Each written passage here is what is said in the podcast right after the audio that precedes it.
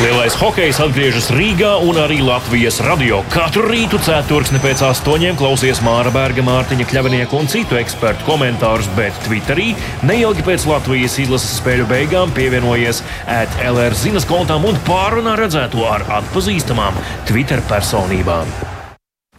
Labrīt, Latvijas radio pirmā kanāla klausītāji arī svētdienā. Protams, arī svētdienā esam mēs šeit. Brīvdiena mums nav, jo hokeja čempionāts turpinās, eh, lai kāda diena būtu kalendārā. Un eh, Mārtiņš Kļavnieks un Mārs Bergs arī šeit. Labrīt, Māri! Labrīt, Mārtiņ, labrīt, klausītāji! Mums ar tevi brīvdiena nav, manuprāt, jau desmitais rīts pēc kārtas mums šeit 8.15 hokeja studijā. Kurš nu vairs skaita pēc piektā, jau neviens vairs neskaita, un eh, pēc... Piek... Tāpat kā ar aliņiem. Kurš vairs skaita pēc piektā?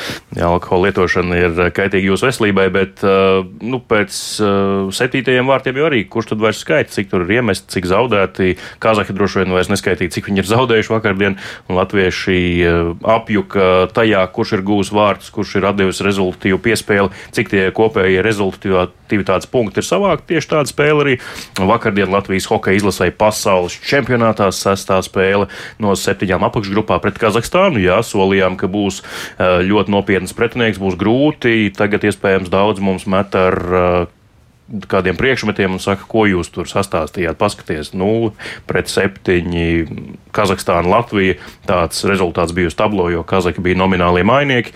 Nu, taču bija pietiekami viegli. Nu, nemaz jau tik viegli arī nebija. Ja paskatāmies pirmo trešdaļu, tad uh, tur joprojām uh, bija tāda laušana un iespēju izmantošana Latvijas izlases izpildījumā 2-0. Tas jau ir iegriezis to ratu, lai beigās būtu 7-0 jā, nu, ļoti pārliecinoša uzvara sen tāda nav bijusi Latvijas hokeja izlasē. Mēs esam citās spēlēs ļoti trāpīgi bijuši ar to, ko mēs sakām par to, kur iemetīs, kur ir bīstamākie tie paši čehi. Nu, daudz, kur mēs esam trāpījuši, tā kā mēs varam arī kaut kur kļūdīties. Bet mēs pareizi teicām, jo mēs teicām, ka Andrejam Šutovam, Kazahstānas izlases pamatvārdsargam pret Slovākiem bija karjeras spēle, un tad mēs taču filozofējām, nu, varbūt vienādi vai otrādi pret Latviju. Vai nu būs tāpat, vai nu visticamāk, tomēr tik labi neies pēc tādām spēlēm. Nu, tik labi arī negāja ne viņam, ne visai komandai, jāsaka godīgi Kazahi izskatījās pagalam mīksti un negatavi šai spēlē. Nu, acīm redzami bija tas, ka spēle pret Slovākiem viņiem uh, bija iecirtusi krietnu robu, respektīvi tādā izpratnē, ka fiziski nebija gatavi un arī emocionāli ļoti daudz spēku bija atstāts tajā spēlē. Tad uh, pēc tā 2-0 un it īpaši pēc trešajiem vārtiem tur viss bija skaidrs. Kazahi jau pilnīgi sabruka. Nu, tur bija tikai jautājums par to, kā spēle beigsies, ar kādu rezultātu, par to, kurš tur uzvarēs. Domāju, ka brīdī, kad uh, otrajā periodā bija nospēlēts trīs minūtes, par to vairs neviens nešaubījās, ka sarkanbalts sarkanie būs tie, kas uzvar kad publika, skandēja astotos, astotos, tas ir kaut kas nebijis Latvijas hokeja izlases mačos, vismaz pasaules čempionātā tieši, bet es atceros 2021. gadu olimpisko kvalifikāciju Latvija-Ungārija 9-1. Tā spēle beidzās, tur arī bija ļoti, ļoti nu, tādi. Nu, tādi vārtu svētki, vārtu birums. Ražīga spēle tā bija, bet, eh, ja mēs runājam par ražīgumu pasaules čempionātos, tad šī ir šķiet otra lielākā uzvara Latvijas izlases vēsturē elites divīzijā. Ja atceramies, tad uh, no paša, paša pirmā čempionāta elites divīzijā 97. gadā toreiz 8-0 pret Vāciju. Tā ir viena no tādām uzvarām, kas ir iegājusi Latvijas hokeja folklorā.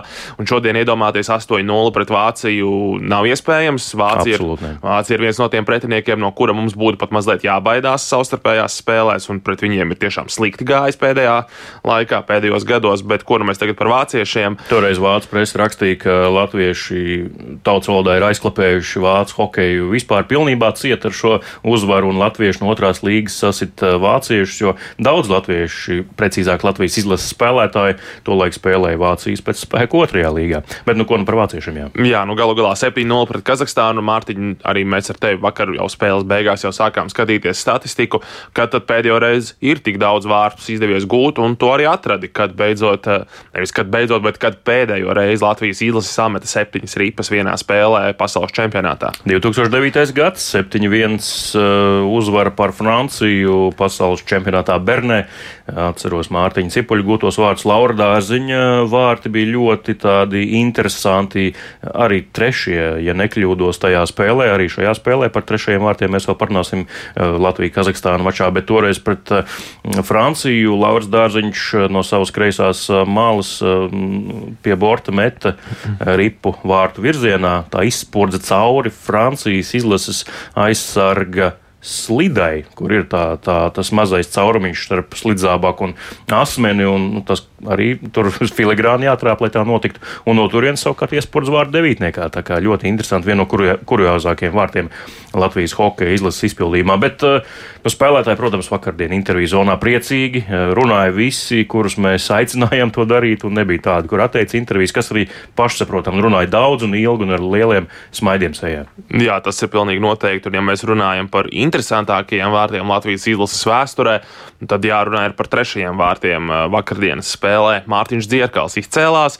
Um, viņš visu izdarīja ļoti labi, ļoti kvalitatīvi tajā epizodē ar spēku, gāja uz vārtiem līdz vārtu priekšā, Kazahu aizsargs pārkāpj noteikumus. Epizode tiek caurskatīta divreiz.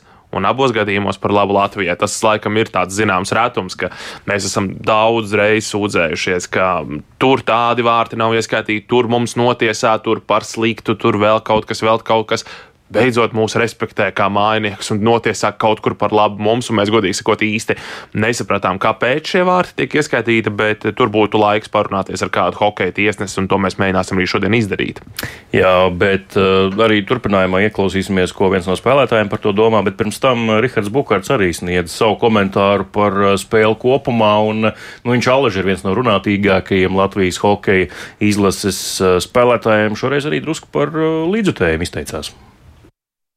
Es domāju, to, ka mēs iznācām diezgan fokusēti, koncentrēti darbam šodien. Mēs sapratām, kas ir likts uz eh, šīs spēles latiņas. Iznācām koncentrēti, fokusēti. Svarīgi, ka pirmie guvām vārdus. Tas mūs elektrizē, arī mūsu fanus ieslēdz par to runājam, to, ka būtu svarīgi pirmiem gūt vārdus. Lai ieslēdzās publika, un eh, tāda bija reakcija, un eh, tad jau tā spēlē aizgāja viegli. Tālūk, jā, Rihards Bukārts un Mārtu arī ar viņu sarunājies, tad viņš arī veltīja līdzstājiem šādus tādus vārdus. Ja? Nu, jā, nu, Rihards Bukārts, kā, protams, tāds ašs puika, ja mēs tā varam teikt, viņam pēc vārda kabatā nav jāmeklē, un uh, pajokojās viņš arī par līdzstājiem, bet to mēs droši vien kādā citā hokeja studijā atskaņosim, ko Rihards teica par līdzstājiem. Neko sliktu jau viņš neteica, paslavēja savus komandas fanus un Latvijas izlases atbalstītājus. Bet kā saka, pamodināt vajadzēja ar to pirmo golu, ko viņš pats arī iemeta.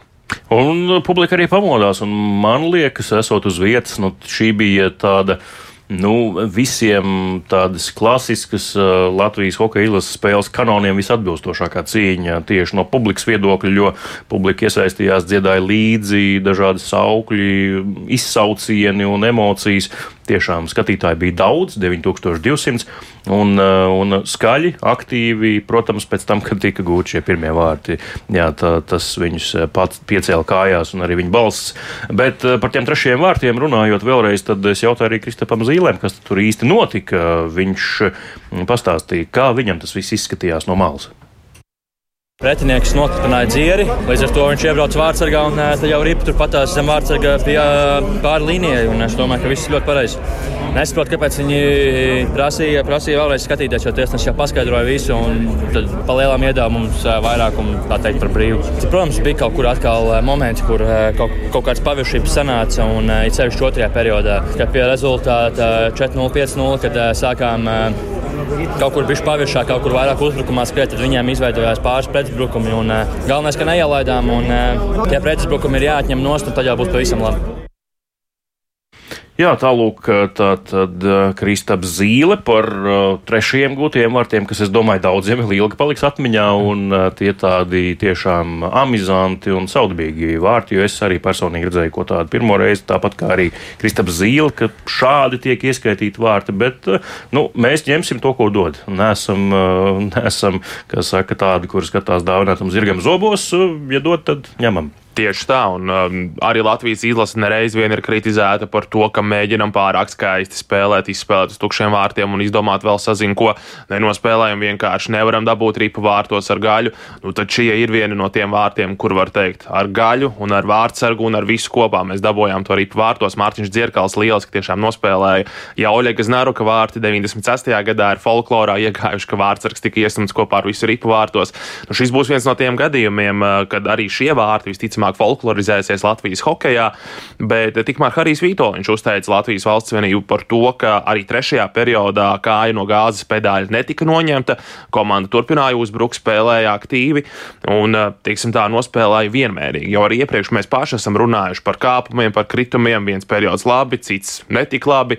Šoreiz bija labi visu spēli. Pretinieku fons varbūt ne tas labākais, bet vienalga pašiem bija jānospēlē. Tas tika izdarīts, bet tagad klausāmies Hariju Vitoļu. Jā, likās, ka viņi tā viss sanāk. Jā. Pēc kvalitātes, bet arī pret Čehiem mēs arī teikšu, tīri labi spēlējām. Arī pret tiem pašiem Slovākiem. Jā. Nu, katra spēle mazliet savādāk dinamika bija. Jā.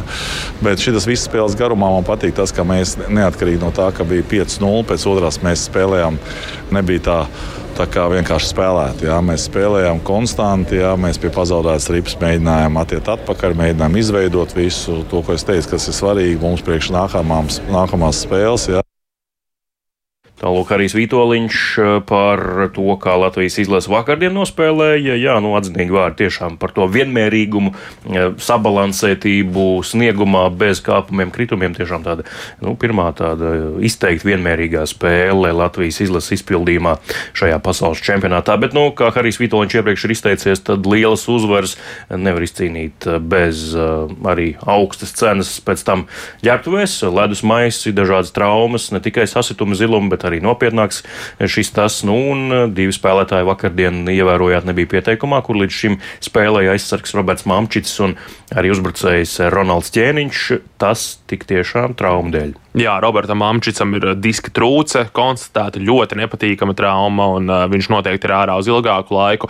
Ronaldam ķēniņam arī muguras problēmas, viņam muguras sāpes. Uh, Harijs Vitoļņš nemācēja precīzi izskaidrot, kas tieši tas ir medicīniski, taču komandas personāls uzskata, ka tur pietiks vienkārši ar dažām dienām atpūsties, un sāpēm vajadzētu mazināties, un nu, sliktākajā gadījumā ar špricēm, bet varētu spēlēt Ronalds ķēniņš. Viņam čempionāts iespējams vēl nav beidzies. To šobrīd neviens nevar pateikt. Un arī Andris Džeriņš vakar traumas dēļ izkrita no ierindas, diemžēl. Un, nu, nu, tur komandas medicīniskajam personālam vēl būs jāskatās, cik nopietni ir šī trauma. Pagaidām vēl vismaz vakar vakarā uz to atbildēt neviens nevarēja. Vai viņš varēs spēlēt pret Šveici, un, ja tas būs vajadzīgs, tad arī turnīra turpinājumā, vai viņš varēs spēlēt. Latvija-Šveice jau otrdien, 8.20 vakarā, bet šodien Latvijas hokeja izlasē bija paredzēts treniņš pēcpusdienā pēcpusdienā. Tas tika atcelts vakar pašā vakarā, īsi pirms pusnakts, un absolūta brīvdiena šodien Latvijas hokeja izlasē. Es saprotu, kopīga maltīte un tā. Brančs, agrā vēlās brokastis mūsējiem, un pēc jā. tam fotografēšanās, un tad pēcpusdiena kopā ar ģimenes spēlētājiem. Tā es nopratu, jā, tāda īstena svētdiena, svētdienā arī hokeistiem, lai var atpūsties, un tad jau pirmdien atpakaļ pie darbiem, un atkal noteikti tad tiks aizvadīts treniņš, un, un atkal gatavotas iestrādes un taktiskie zīmējumi tad izšķirošajam mačam pret Šveici, kas jau es teicu, otrdien. Bet uh, tā tad, uh, kas tad turnīra tabulā derās Slovākiem? Atlikušas vēl divas spēles. Slovāki ir tie konkurenti, kuri Latvijas izlasē jāapsteidz, lai iekļūtu ceturtajā finālā. Slovākiem vēl divas spēles, maksimāli iespējami seši punkti. Mm, uh, tajās iegūstami kopā, tad viņiem, ja viņi to izdarīs, būs 11 turnīra tabulā. Latviešiem jau tagad ir 11. Tas nozīmē, ka savstarpējā spēlē abām paliek 11. Tad Latvieši zaudēja Slovākiem. Slovāki dodas tālāk bet latviešiem vēl ir mačs pret Šveici, kur izcīnot vismaz vienu punktu. Ceturtdaļfināls, eh, kā tāds brīnumputns, arī būs noķerts rokā. Ir arī otra opcija. Slovāki kaut kur pa ceļam šajās divās atlikušajās spēlēs pret Sloveniju vai Norvēģiju zaudē punktus. Un tad Latvijas tad izlasē, viss ir beidzies. Tad viņiem viss ir beidzies, un Latvijas izlasē nekas pret šveiciešiem vairs nav vajadzīgs. Tīri no turnīra tabulas viedokļa tikai tik daudz, cik tiešām censties izcīnīt uzvaru tajā spēlē. Bet um, šodien Slovākiem spēle pret Sloveniju. Slovēņiem arī vajag, un ļoti vajag. Viņiem šodien ir nepieciešami punkti, lai vēl pacīnītos par vietu elitē. Un es esmu pilnīgi pārliecināts, ka arī Slovenija cīnīsies kā negudri, lai dabūtu šo vienu punktu. Tāpēc uh, visi hokeja līdzekļi šodien turam īkšķus par Sloveniju, lai mazliet, mazliet atvieglotu būt Latvijas dzīvi turnīra turpinājumā. Jā, sociālās saziņas vietne Twitter, tur vairāk lietotāji jau vakar jokoja, ka redzīja, pirms tam turējām īkšķus par kazahiem, bijām vēlākie kazahu fani, tagad savukārt esam slovāku antifani un šodien redzam, turam īkšķus par slovēņiem, savukārt pēc tam par norvēģiem pret slovākiem. Jā, nu interesanti, kā tās lietas mainās, bet nu, ar to arī izskan mūsu šī rīta pārraide. Vēl tikai piebilstam, ka, ja mēs te par traumām runājam, Roberts Mamčits aizsargs ir nu, noslēdzis savu dalību pasaules čempionātā, tad Kristians Rubīns jau lido palīgā Latvijas hokeja izlasē, varētu arī jau rīt pēcpusdienā ierasties Latvijā un visticamāk arī spēlēs pret Šveici. Tas labs papildinājums. Viņam Ziemeļamerikas arī Nacionālās hokeja līgas pieredze, un mēs jums sakām paldies, ka klausījāties arī šorīt. Dariet to katru nākamo rītu. Būsim atkal šeit jau rīt no rīta 8.15. programmā Labrīt! Hokeja studija ar Mārtiņu Kļavnieku un Māri Bergu, bet šodienas savukārt svētdiena un vienos piecās dienā klausieties raidījumu piespēli. Tur arī ļoti, ļoti interesantas sarunas par un ap pasaules hokeja čempionātu. Jā, paldies, ka klausījāties un uz tikšanos jau rīt šajā pašā laikā un šajā pašā vietā. Visu labu!